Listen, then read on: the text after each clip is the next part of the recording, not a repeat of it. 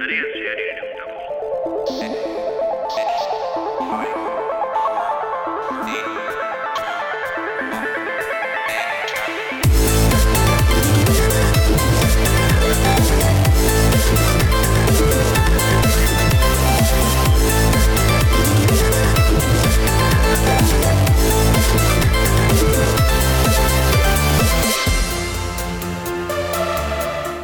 Black Fridaya pasata eta abenduan ia murgilduta gaude jada, e, kontsumismoaren momentua hasi da.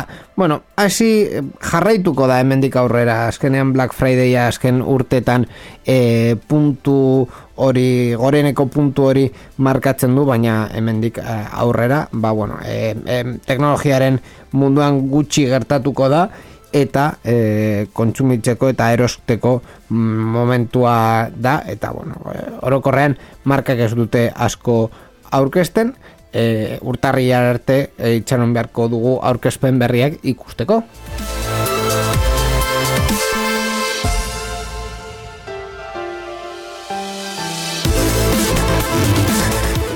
Dena den, e, aste honetan, azken bi aste hauetan gauza otxo interesgarriak izan ditugu teknologian. E, programa honetan besteak beste, ba, e, jango gara urte batzuk e, atzera, eta ikusiko dugu nola aldatu den bizitza eta enpresa, bat, enpresa batzuen hitza azken urtetan e, denominazio batzuk aldatuko ditugu ere eta bueno, berri askarrak ere izango ditugu. Ikusiko duzue zein izango den konkretuki e, gaurko edukiak baina bueno, guztiak teknologiari buruzkoak izango dira eta hemen entzungai izango dituzue zarean zearen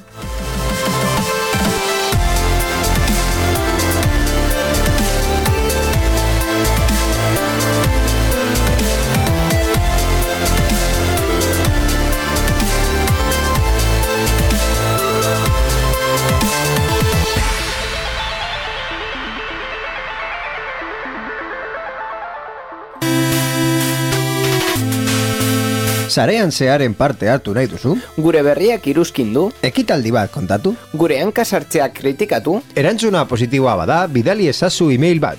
Info abildua zarean zehar.eus Gure WhatsAppa 6 sortzi sortzi 6 sortzi 00 sortzi bederatzi da. Telegram ere daukagu 6 sortzi sortzi 6 sortzi 00 sortzi bederatzi. Gure Twitter eta Facebookeko profiletan idatzi dezakezu ere. Eta ez ahaztu gure asteko agenda. Informazio guztia zarean zehar.eus webgunean zuen mesuak itxaroten ari ditugu. Ah, bai? Bai.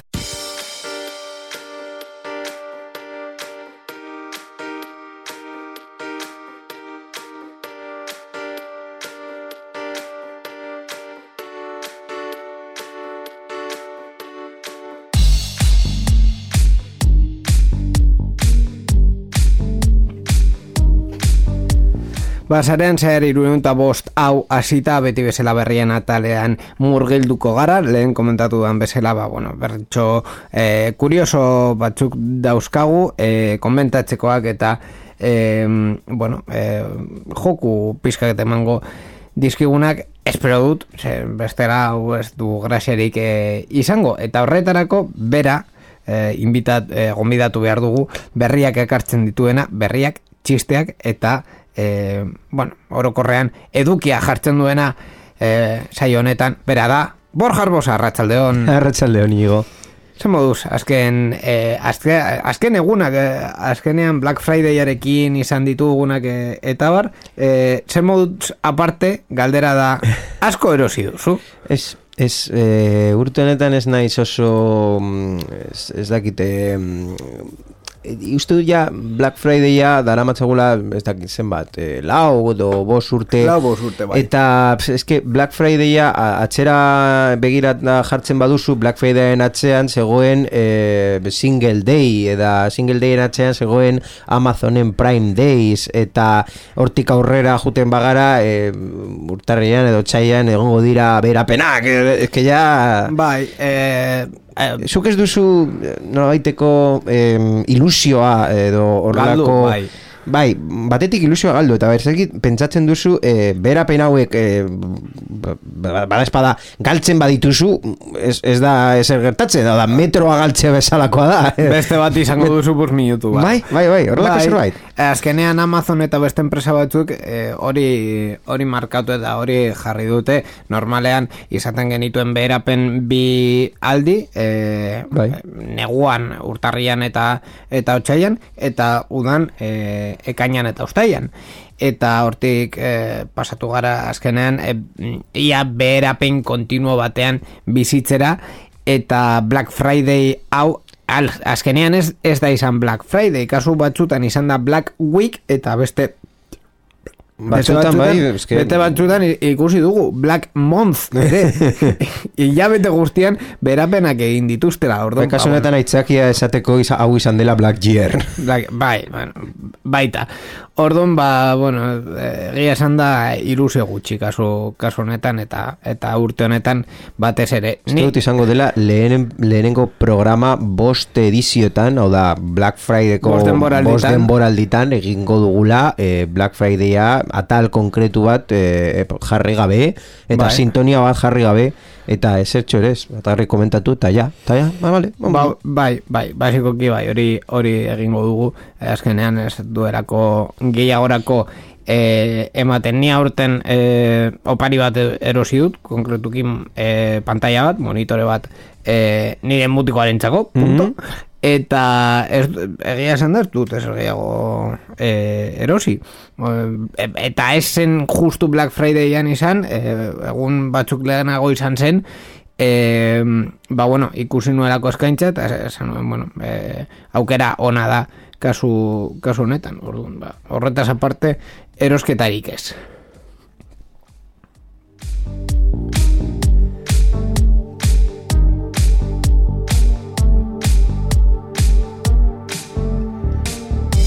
Bueno, berri mamitsuetan sartuko gara eta be, lehenengo berri mamitzurako e, sintonia, ba, sintonia bat behar dugu e, duela asko ez dugula jartzen e, beste gauza batzuetaz aparte ba, YouTubeen egiten badugu saioa justu e, autore hau ba, bueno, ez du Dexys Midnight Runners, konkretuki. ez, ez, ez, eh, Emango diogu kreditoa gutxienez. Bai, ez dute oso ondo u- e, ikusten YouTubeen erabiltzea bere musika eta bar. Orduan, normalean ez dugu erabiltzen. Orain, eh, ez dugula ez dugunez bideo e, edizio egin, ba ez dugu e, arazorik jartzeko musika eta mm, sintonia mitiko hau.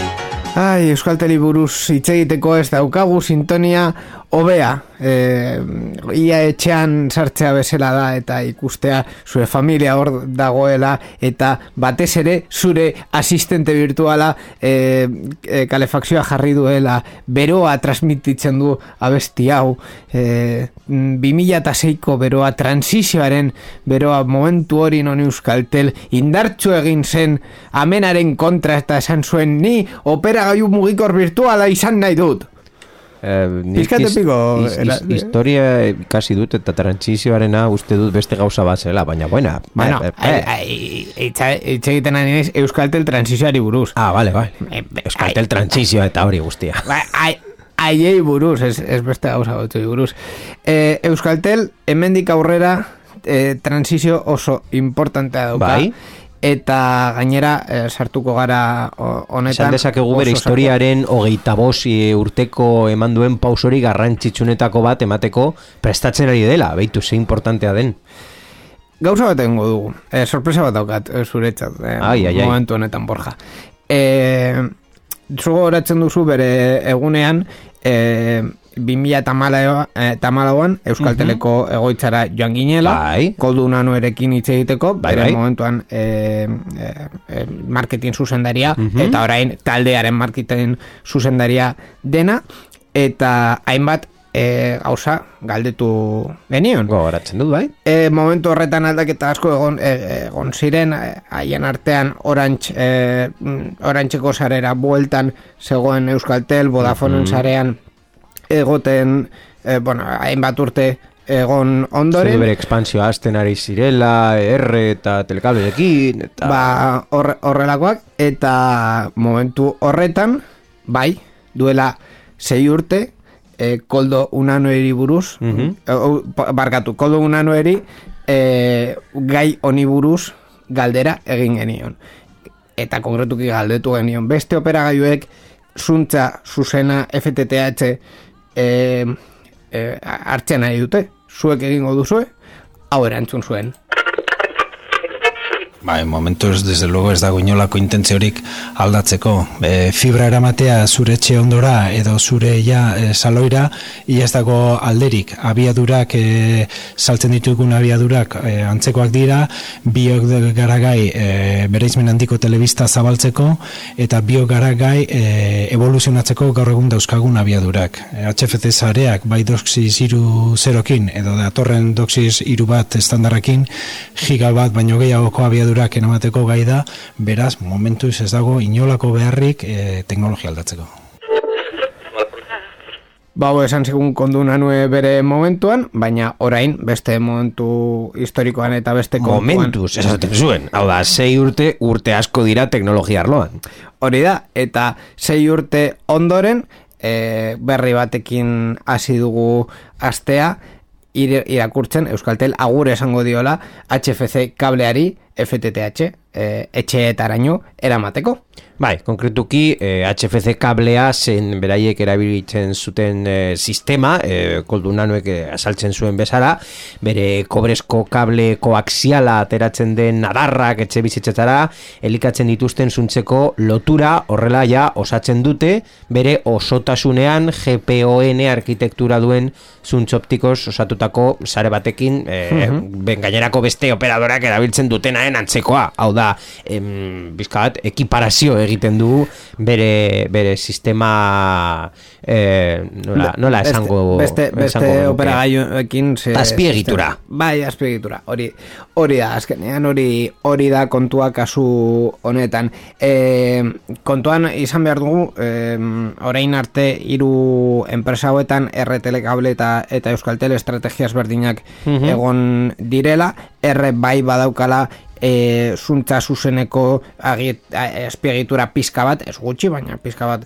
badauka, telekable eta euskaltel mantendu ziren e, kablean, hau da, kablekoak zialan e, em, e, despliegeak egiten, eta duela gutxi ere, euskaltel azpiegitura berria jarri du e, leku gutxitan, le, leku batzutan barkatu. E, datu zuzenak, e, zenbat e, etxe eta zenbat inbertsio izango dira? Ba, 2,4 milioi etxe izango dira Euskal Herrian, Asturiasen eta Galizian, zuk esan duzun bezala, datorren urtetik aurrera, zuntzare berria mm, konektatzen hasiko diren momentuan. Hau da, migrazio horretarako inbertsioa irunda mairu milioi eurokoa da, 2008 batean, eta, baitare, 2008 bian, eta beste, berrogeita maika milioi euro gehitu beharko zaizkio 2000 eta hogeita iruan, eh, expansion egunkariak bere ordainpeko edizioan jakian zituenez. Kontuan hartu behar dugu ere, Euskaltel hau ez duela haiek zuzenean egingo, baizik eta Fiberko konpainia e, sortu dute honetarako, eta hemendik aurrera azpiegitura guztia izango du konpainia horrek, e, taldeko lau operagailuei zerbitzu berdina emateko eta suposatzen dut ere beste e, operagailuei e, erraz e, saldu izateko bere bere zerbitzuak bere bere zuntza. Egongo da Fiberko alde batetik azpiegiturekin e, ez dakit konkretuki bere momentuan e, uste dut ze, izan zela Huawei sartu zela azpiegiturak kudeatzen Euskaltelen Eh, Huawei ez, edo eh, txinatarra, baina ez Huawei, ZTE. ZTE izan zela.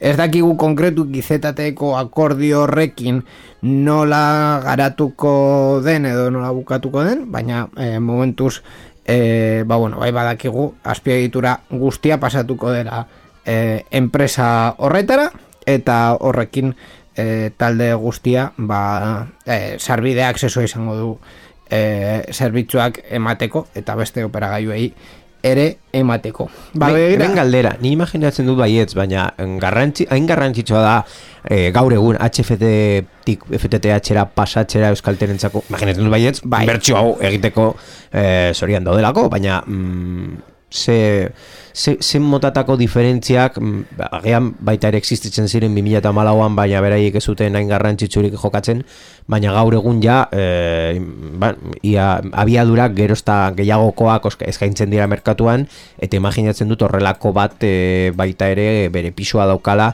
migrazio hau egiterakoan.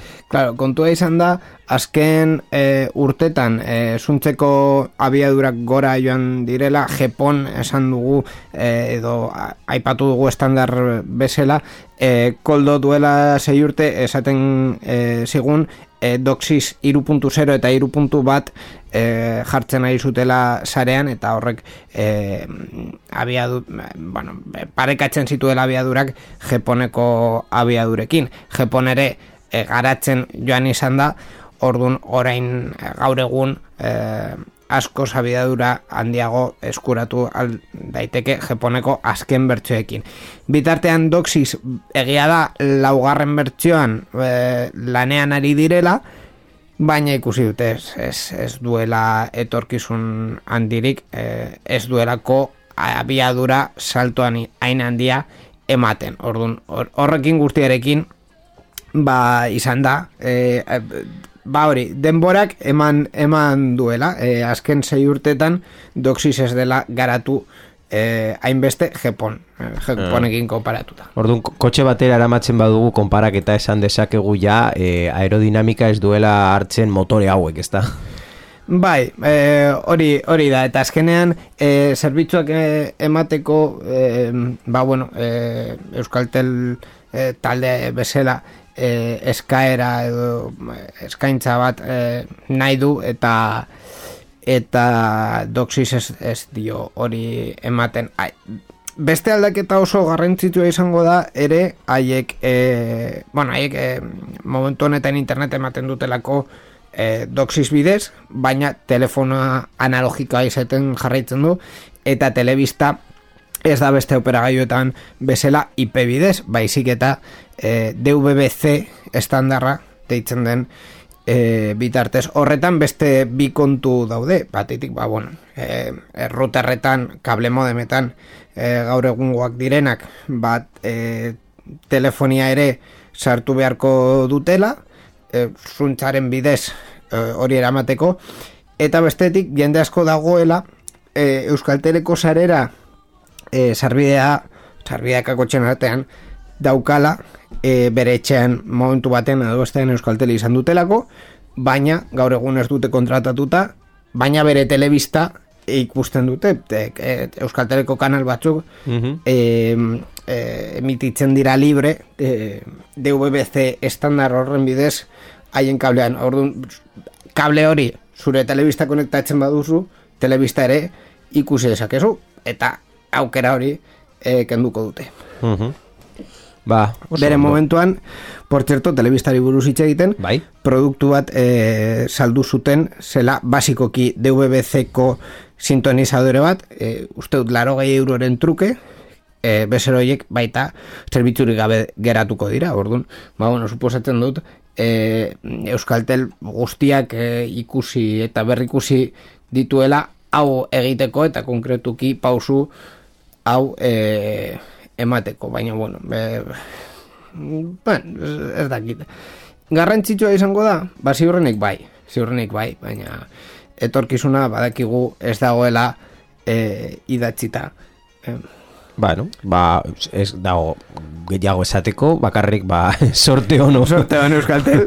Hori bai, e, hori hori beti sorte hon eta eta bueno, ikusiko ikusiko dugu aurrera pausu hori e, zera ze- zelan zelan di joan ez daukagu e, beste beste konturik, ez? Ba bueno, e, hoiek hoiek dira transizioaren gauzak Urrengo batez ere- transizioa. Bai, eta batez ere, e, zatitxo ba, denborak ematen duen e, ikuspegia edo e, azkenean, ba, ba bueno, e, enpresek ere bere ikuspuntuak aldatu aldituztela eta hori berez ez dela, ez dela txarra aldaketa dela. Merkatua da. Bai, merkatua da, aldaketa da, eta ez dauka ezer gehiagorik, ez da. Ez.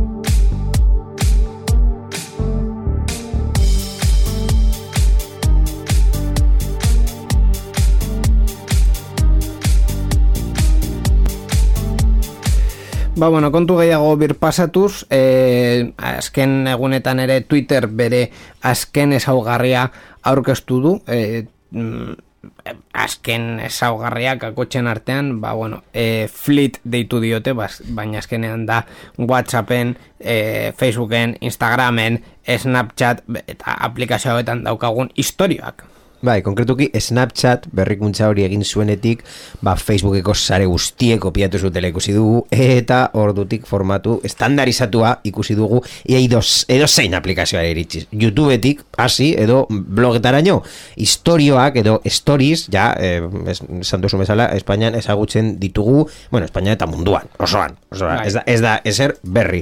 Ba, mm, Twitter, eh, azkena, heldu da, eh, bankete honetara, fleet, berriak e, hauetan story hauek egokitzeko. Hau da, aplikazioen atzealdean agertzen dire eta hogeita lau ordu irauten dute egileak argitaratu dituen unetik. Eta horietan, pas, testu bat jarri izango duzu, e, txio bat parketak, partekatu, irudi edo bideo bat argitaratu, eta ja, mm, behin argitaratuta, hogeita lau ordu, egun osoa, egongo da, eskuragarri, eta jakin ahalko duzu nork ikusi duen. Vale, Bai, mm, ez eh, da, oro, eh, originala. Instagrameko historiak da, bezala eta bareta. Berria baino gehiago, niretzat izan du eh, mami gehiago eh, jendeak egin dut dituen memeak. Ja, eske ikusten ditut historiak eh, hasta la cocina, esaten da. Excelen, Eh, eh, bai. Begira, Excel jarri ditu historia. Bai, Excel jarri ditu historiak edo ni biterozeramika eh, piztu dut eta eta momentu batean jun naiz telebista ikustera eta bueltan nire biterozeramika jartzen ditu historiak. Hau da, eh, em, Espainian esaten den bezala, eh, hasta la cocina, en, horre esaldi hori mm, literal, hartuz. Bai, bai, bai, eh, horrela, horrela izan da. E, ikusiko dugu zein den arrakasta azkenean e, Twitter bi kontzeptu nazten ari, ari dituelako. Hau izan da Facebook bezala, Facebook ere historiak jarri zituen, baina Facebook, bueno, Facebook bere zilda dago. bai. Beste kontu bat da. Egunen batean, oso askal juten zara zu, eh? egunen batean A Google Plus bueno, baina Facebook... Bueno, Google Plus eh, kostatu zigun eh, Fe- Facebook, urte. Facebook hiltzeko ja mo- motata horretako sare sozial guztiak hi- hildu beharko lukete. Ez, eh, Eta Facebook- Twitter... mm, Eh, Facebook konpainia bezala ez, baina, baina berez Bueno, ez, Facebook, Facebook. sare sozial bezala nahiko bertsifikatu kaskarra. hainbeste. Bai, konpainia bai, baina sare sozial bezala nahiko kaskar. Hiltzen duzu Oculus baita ere, ja Ez, zure eh, hildo bueno. normalean... A ber, Oculus agian bai, azkenean eh, Oculuseko erabiltzaile nagusiak zirela eh, maker eh, horrelako profil horretakoak programadoreak eta bar eh, momentuz jokuak edo frogak egiten ari zituztenak eh, Facebooken kontra jarri dira Oculus erabiltzeko Facebookeko akontu bat behar duzulako. Eh, orain, orduan, agian alde horretan zerbait mantenduko bada e, hemendik aurrera luze e, nire apostu Facebookeko munduan izango da Instagram. Azkenean e, e, dudarik gabeko arrakasta duelako eta bueno e, e, grup, talde horretan nagusiena izaten ari derako Facebook e, bere ordu ah, bueno e, bere ordu e, nola esango nuke? E, bere ordu be, bean, beetan e, dagoelako eta eta Oculus eta bar esperimentuak dirako azken, azken finean. Baina bueno azken nire kontua, nire, nire argumentua azkenean zen e, ikustea nola sare sozial batean mota bateko edukia daukagula eta bat batean historia jartzen e, dituztera Instagramen horrelako zentzu bat zeukala idu, irudira bideratutako e, e, sare soziala zelako, baina Twitterren, ba bueno, Twitterren gero eta gehiago irudiak eta bideoak eta bar ikusten ari dira, baina nik Bai, bueno, ez dut oso argi ikusten. Twitterren pizka bat apurtzen du Twitterren logika beti ezagutzen dugun bezala, hau da Twitterren edonork e, mezu edo txio bat jarri alduela eta bi eta hiru eta lau eta zuk zure mm, Twitter irekitzerakoan ikusten duzu mezu hoiek timeline bezala, hau da denbora, denbora azkenetarikoak eta ja e, denboralen atzera zenbat e, txiokatu duten zure jende ba, jarraitzen duzun jendeari. Eta kasu honetan flit hauek era, e, erabak, erabakitzen dutenean e, sartzean zu daukazu e, pertsonai bakoitzak bere dauka bere bere historioa igo dutena bere ikonoa orduan zu ja erabaki duzu erabaki alduzu noren historia edo noren e, txioa nor, nola baita esan da Edukia. E, ikusi nahi desun orduan e, pentsa dezazu mila e, pertsona edo akontu jarraitzen dituzula eta ez duzula nahi ez da, morraia handia zure telefonora iristea bakarrik bost minutu daukazu e, irakurtzeko eta ez duzu denborarik. Eta ez duzu nahi justu e, zure lehenengo mezua izatea ba, bai, e, ba, agian enpresa bat e, ondo em, bai, ez, ez daukazu ez daukazu gorroto baina ez zaitu importa orduan e, bost minutu daukat ba justu e, norki godu eduka ah, bai, hau, interesatzen zait ba, ze, ze ik- ikusi duen hau da, pizka bat eduki direkto direktoagoa bai, gero da, kontsumitu alduzula zuzenean Bai. eh, nahi duzun sortzailearen edukia. bai, ez duzu bilatu beharrik Eh, azkenean niretzat eh, Twitter zentzua dauka modu tem temporalean, bere Bai. momentuan ere jarri Bueno. zuten algoritmoaren kontua Bai. eta eduki pertsonalizatua eta bar. baina horri ez zuen arrakastan dirik izan uste Niretzat eh, Twitter grazia dauka bere momentuan esan eh, zutena zer gertatzen ari da orain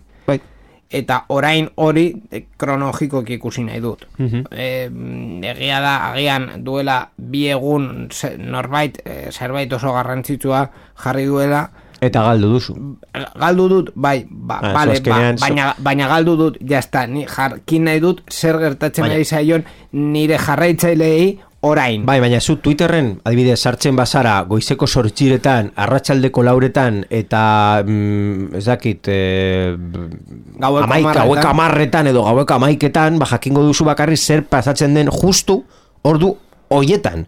Claro, Eta horregatik, zure- eramat, eh, horregatik ematen dut egun osoa Twitterren. Baina ez, ez baduzu ematen egun osoa orduan ja pizka bat magia hori galtzen da. Hau da, zu jakingo duzu ordu horretan, bai, zer gertatu den. Baina pasaden orduan zer gertatu den?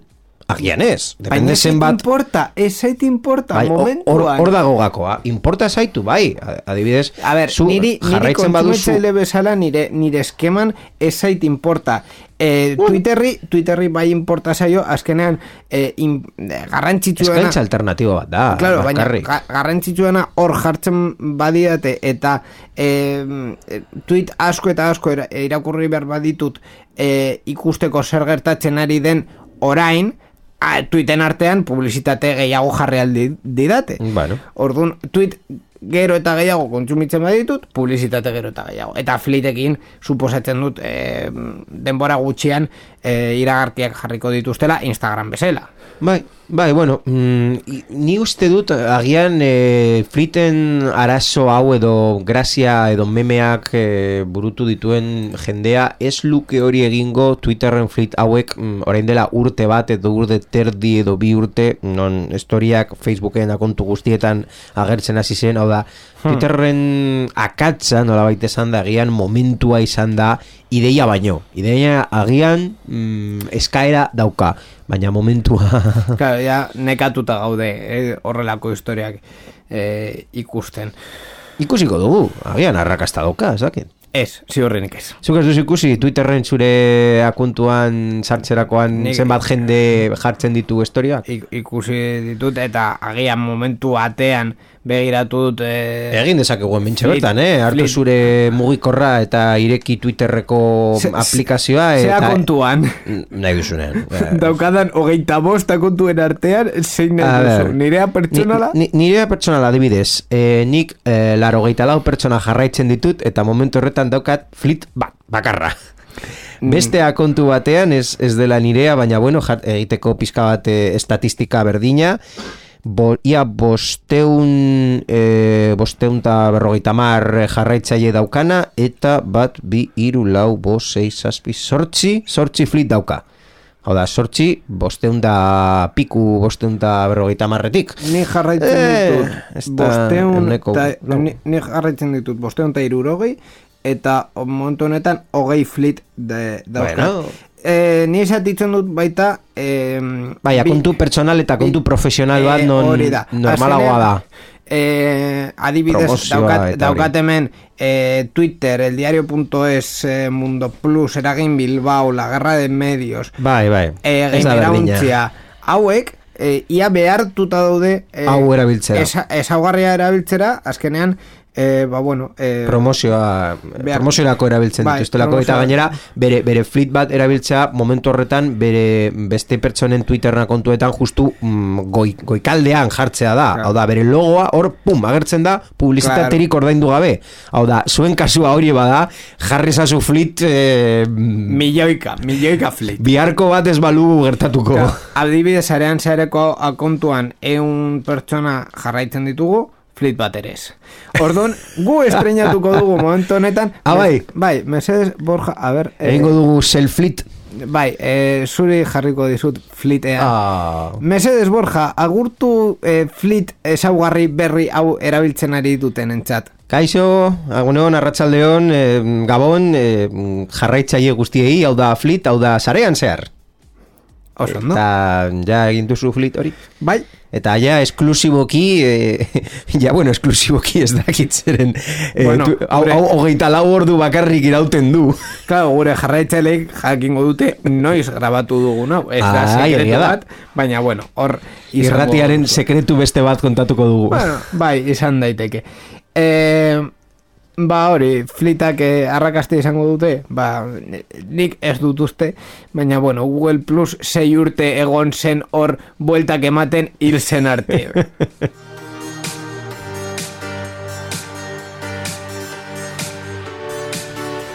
Hasieran esan dut denominazio aldaketak egingo ditugula gaur programa honetan Bai. eta bueno, kontua e, izan da e, mm, kontsulta publiko bat ireki delako e, zuntzaren erregulazioa aldatzeko. Movistarrek ez duelako bere zuntza partekatu nahi edo mm, bueno, e, hori da bere intentzioa e, bo, bost, ia zeireun udalerritan, baina aldi berean kontsulta publikoa ireki da e, behar hori, ba bueno, e, modulatzeko edo jakiteko e, zein den e, publikoaren eta enpresen, e, enpresen e, iritzia. Nork ireki du e, kontsulta hau? Ba, e, duela de, e, programa batzuk esango genuke merkatuaren eta kompetentziaren komisio nazionala izan zela. Mhm, bai. Baina egia da gure izen horretan MKKN izen horretan K asko dituena, baina Bai. zentzu gutxi bi erderakada jarri genituela. E- egin dugu Kom- kaka, kakasarra. Kompetentzia eta komisioa. Bai. Kompetentzia ez delako kompetentzia, baizik eta leia eta komisioa esaten delako batzorde. Segin dugu, lehenik eta ben hau zuzendu. Eta e, bigarren, e, mm, merkatuaren eta leiaren batzorde nazionalera joan gara, konkretuki bere webgunera, eta sorpresa, webgunea Horrela esaten du, merkatuen eta lehiaren batzorde nazionala. Euskeraz dago. Euskeraz dago. Eta- Eta, katalaneraz, eta galizeraz, eta ingelesez, eta noski mm, Gaztelaniaz. bai. Eta horrela esaten dute merkatuaren eta lehiaren batzorde nazionalak. Orduan, hemendik aurrera merkatuaren eta kompetentziaren komisio nazionala MKKN hiltzen dugu eta orain eh, oraindik a- or, or, hemendik aurrera izango da MLBN. Eta barkamena eskatzen dugu. Ba, bueno, barkadera. Baita ere, Nire- esan behar da. Gaizki deitu diegu, ba, bueno. Nire etxat errazago izan, eh, izaten zen MKKN eh, gogoratzea bi K hoiekin, baina MLBN, MLBN. hemendik aurrera ML Sintonia bat egin beharko dugu. MLBN, MLBN. Bueno, Nola, nola, no? ez dakit nola No- nola- MLBN, MLBN. Ez dakit, ez, ez, ez, pentsatu beharko du gehiago. Bueno, bai, pentsatu, pentsatu. E, lana, lan asko daukazu, e, ga, e, azkenean bla- Begiratu, hemen ja e, e, eltzen, e, etortzen zait. It's fun to stay at the MLB and it's fun to stay at the MLB badakizu grabazio zure kontra erabiliko dugula, ez da? Bai, badakin. en fin. Eh, azken, azkenean kontua izan da Movistarren movida, ordun. Or, Borja, azaldu mesedez. Bueno, Movistarren movida horrela esan algo dugu. Ba, 2000 eta amasei garren urtean, e, merkatuen eta lehiaren batzorde nazionalak, banda zabaleko handizkako merkatuen erregulazioa onartu zuen, eta e, araudi horretan, Movistar, zuntza Espainia osoan partekatzera behartzen zuen, irurogeita zei iritan izan ezik. Ba, oso gutxi. Orduan, operadorea mm, hainbat urtez kesatu da arau hori eguneratzeko beharrez eta hori dirudienez laster gertatuko da eta MLBNek banda zabaleko haindizkako merkatuen erregulazioari buruz egindako kontsulta honen. Ostean, Movistarrek baia zeireun, bosdeun da laro udalerritan zuntza partekatu behar ez izateka eragingo luke. Bai, azkenean, e, bueno, ikusi dugu konzentrazio handia egon dela, baina egia da Vodafone ono bere momentuan Mhm. izan zena kon, e, azpiegituran beran, ez, ez dugu zerbitzuei buruz hitz egiten ari, baizik eta azpiegiturei buruz hitz egiten ari dugu e, ono bere momentuan kable asko bota zuen, Euskaltel R eta Telekable baita, e, eta bestetik mm, e, Masmobil taldeak e, agartu zenetik haiek baita zuntza jarri dute e, Madrieko gune askotan Adamo ere leku batzutan e, zerbitzuak dauzka eta ja eredu urrezko eredua izan daiteke Eibar, ez, e, hor ez dagoela zuntz pribatua, baizik eta dena zuntz publikoa dena, e, eta, eta bueno, e, Eibarren e, jarri aldute. Eibar zen, ez da? E, zuntz publikoa due, zuena, e, bueno, duena, gaur egun ere, Bai, bai. eta edozin operagailu horretara sar daitekela. e, Noski, lasai. noski ia zei- zeu- zeireun hiri edo herria, herri dira ordun mm, batzuk komentatzeko hemen Euskadikoak adibidez, kom- komentatuko Donostian, Donosti, Eibarren, Eibar, Elgoibar, Elgoibar. Erandio, Erandio, Errentería, Errenteria. Estella, Lizarra, bueno, Estella, Lizarra, bai. Estela Navarra, baina bueno, eh, baina bueno, mm, ez, ez, ez dago gaizki, Galdakon, adibidez, Galdakao. Baitaren, Gernikan, Getxon, azkenean, tamaina pizkat handia e, duten e, herri hoietan, Euskaltel ere dago, eta Euskaltel zuntz, o, bueno, zuntza ez dauka, baina abiadura handiko zerbitzuak ematen ditu. Orduan, hor, hor, hortik aurrera, e, Movistarren e, eskaera esango genuke logikoa dela, azkenean, bueno, haien e, urte askotako kompetentzia, Euskaltel bere momentuan duela hogeita mar, urte dira ja Euskaltel e, sortu zenetik, hogeita bost? hogeita bost, esan dugu, ez? Hogeita bost, bai. E, hogeita bost urte e, izan, izan dira Movistarren kontra eta gainera indartzu egon direla, ba, horren e, horren e, azkenean e, ondorioa hau da e, kontsulta egiten duzunean ikusten duzula leku askotan Movistar bere kompetentzia ere daukala. Mhm.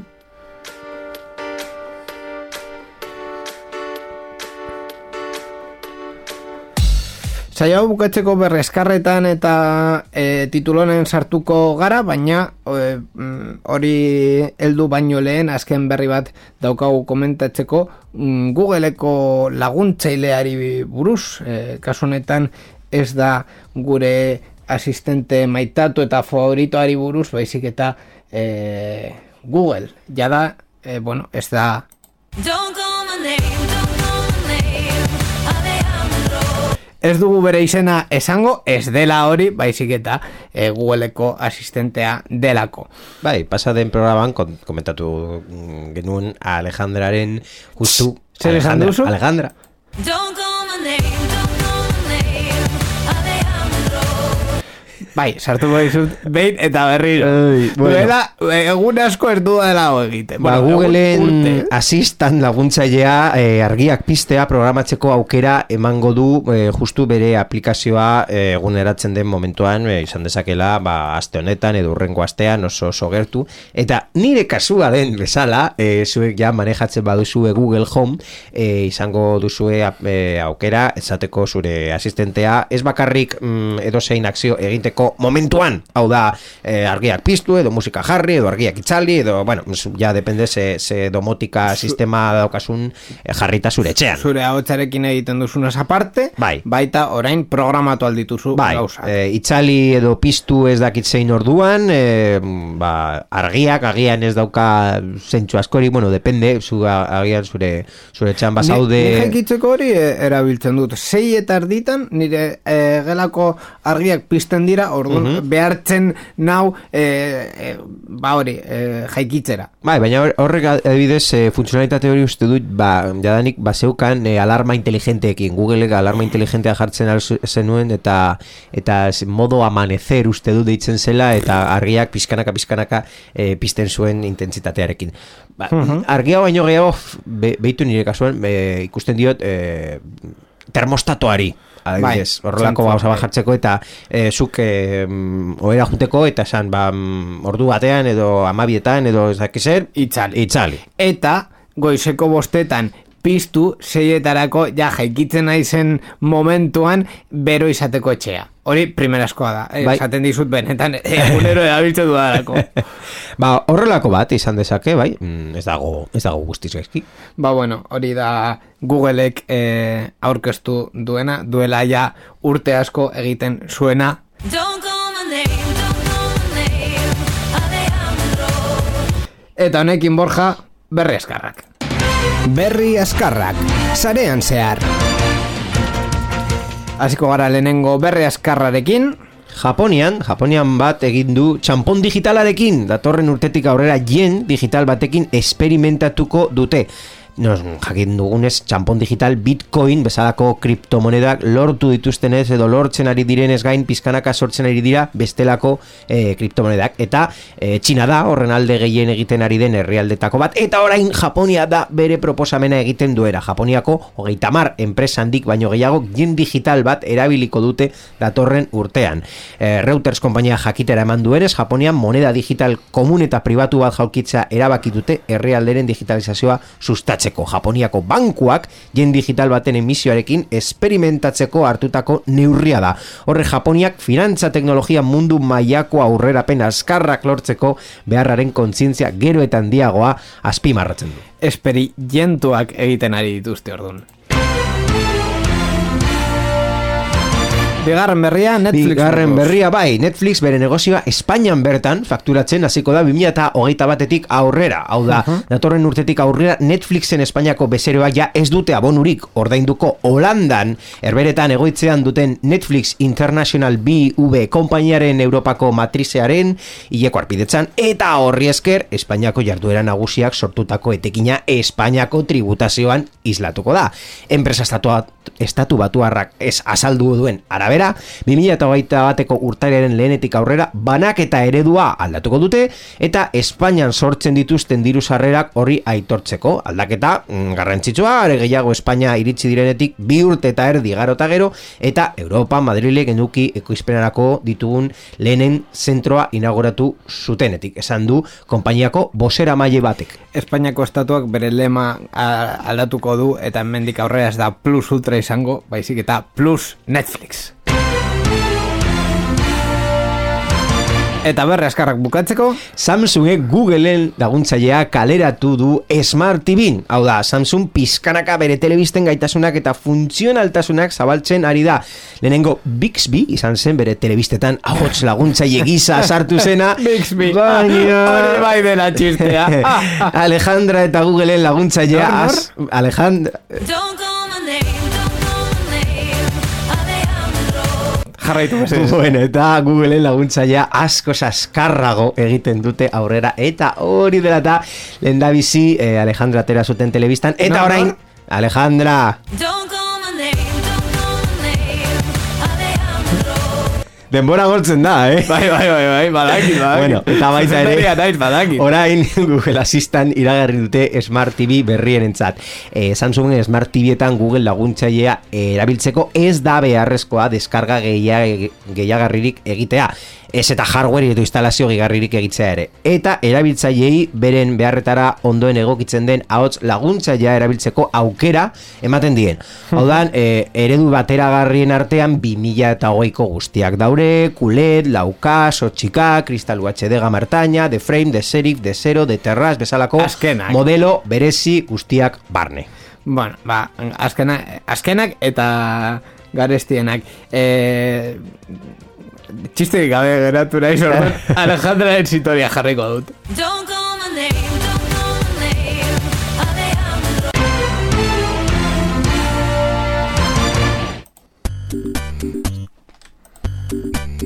Titulol.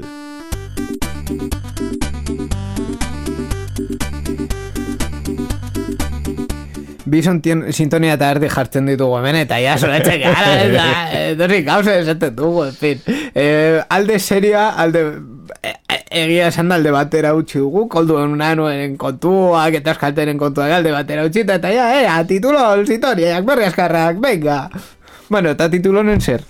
Titulolen Creative Commons lizentziei buruz hitz egingo dugu ino. Oh. Sarea Creative Commons lizentziadun irudiz beteta dago eta beste argitalpen batzuetan argazki partekatzeko aukera ematen du. Horri esker, edabide asko gure artikuluak modu desberdinetan ilustratzeko aukera dugu, baina Creative Commons lizentzia guztiak ez dira berdinak. Eta bada hori baliatzen duenik autoretza zuzen egosteko orduan oker dabiltzanak epaitzeko. Hau da, artikulu bat eh, errez baterako gamonetako zuaitz baten argazki libre bat erabiltzagatik dirudienez libre bat, baina egiliak berreun euro baino gehiago eskatzen zituen salaketa bat jaso zuen. Kontua da, eh, azkenean, eh, bueno, berreun euro izan dituzu? Berreun euro mm, kasu konkretu batean. gutxi. Baina eske, estatu batuetan bakarrik, Marco Berg, argazkilari alemaniarrak, lau koma bost milioi dolarreko balioa duten norbanakoak eta enpresak hausitara eraman ditu Creative Commons lizentziadun irudian, eh, irudiak erabiltzeagatik. Kontua da azkenean Creative Commons eh, mota asko Bai. daude, gero gurea entzungo duzue, Bai. baina eh, kasu batzutan komertzia, ez komertziala eh, mota jartzen dute eh, sortzaileek, orduan hori ezin da etikin ekonomikoak ateratzeko. Ezin da erabile etikin ekonomikoak ateratzeko eh, webune batean jartzen baduzu eta webune hori eh, mm, eh, anuntzoak badauka, eh, eh, ba, bueno, iragarkiak badauka, ba, bueno, eh, horretan eh, harrapatu eh, aldute em, eh, webgunearen kudeatzaile oiek esan ez, ba, bueno, en fin, irudi hau ez duzu ondo edo, edo ez duzu egoki erabili. Berreun euro egia da gutxi direla, Baina eh, esan duguna, eh, argazkilari horren kasua, berreun euro, berreun euro, berreun euro, webgune askotan, ba, eh, asko esan daiteke. E, ingelesez badago hitz bat e, deitzeko hau patente troll bat e, den pertsona batek, hau da jendeari e,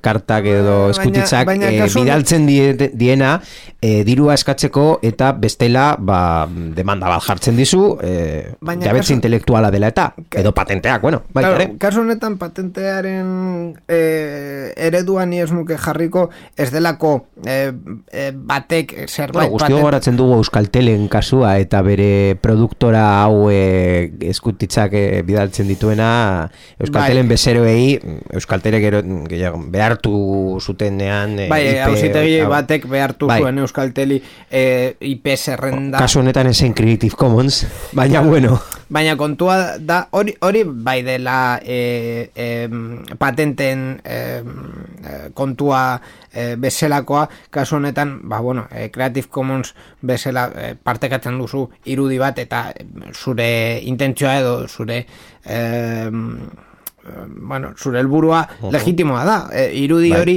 partekatzea eh, eskubiderik gabe kakotzen artean, baina ez da eskubiderik gabe. Eh, eh, eskubide konkretu bakoitzekin. Orduan, hemen gure gomendioa Creative Commons erabili baino lehen, mesedez, irakurri ondo ze Creative Creative Commons mota den.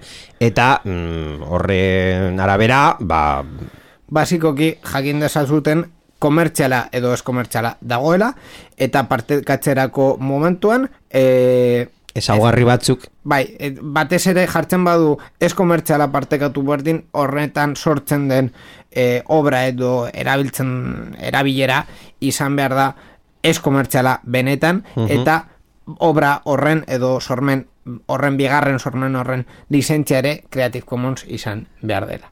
Ba, honekin gure lizentzia jarriko dugu. Irratsaio hau Creative Commons aitortu ez komertziala partekatu berdin lau puntu zero nazioarteko lizentziarekin banatzen da. Horrek esan nahi du gure edukiak nahi beste partekatu ditzazkezula. Informazio gehiago nahi baduzu josareanzehar.eus webgunera.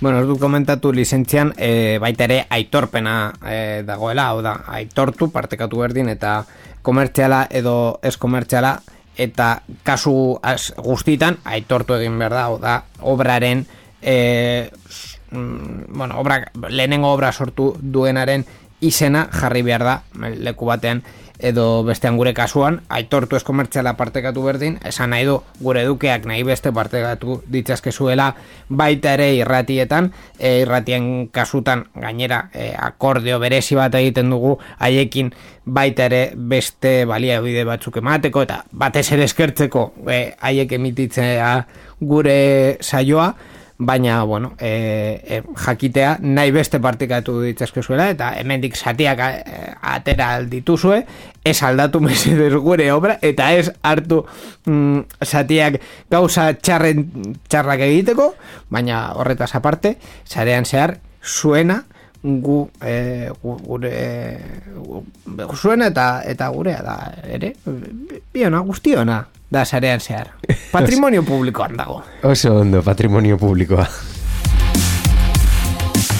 Bueno, Borja, eskerrik asko edukiak et, ekartzeagatik eta bi aste barru, hemen izango gara berriz, ezta? Eskerrik asko zuri igo eta entzule guztioi ba berriro entzungo gara bi aste barru Berrikuspen teknikoan Mikel Carmona egon da, eta beti bezala baita ere eskerrak irratietan dauden e, ekoizpen eta teknikari taldeei emisioa posible egiteagatik, eta azkenik ere zure, zuen, e, zuen, zuen, gure entzuleei ere eskerrak e, eman e, saioa entzutearren. E, zerbait gehiago, bueno, eduki gehiago ikusi nahi baduzu esarean zehar gaude, baita ere Twitteren flitetan badirudi orain ere gaudela, sarean zehar gara baita ere Twitterren, eta zuen e, iruzkinak eta bestelakoak itxarotenari ditugu ere eskerrik asko, eta bi aste barru, agur!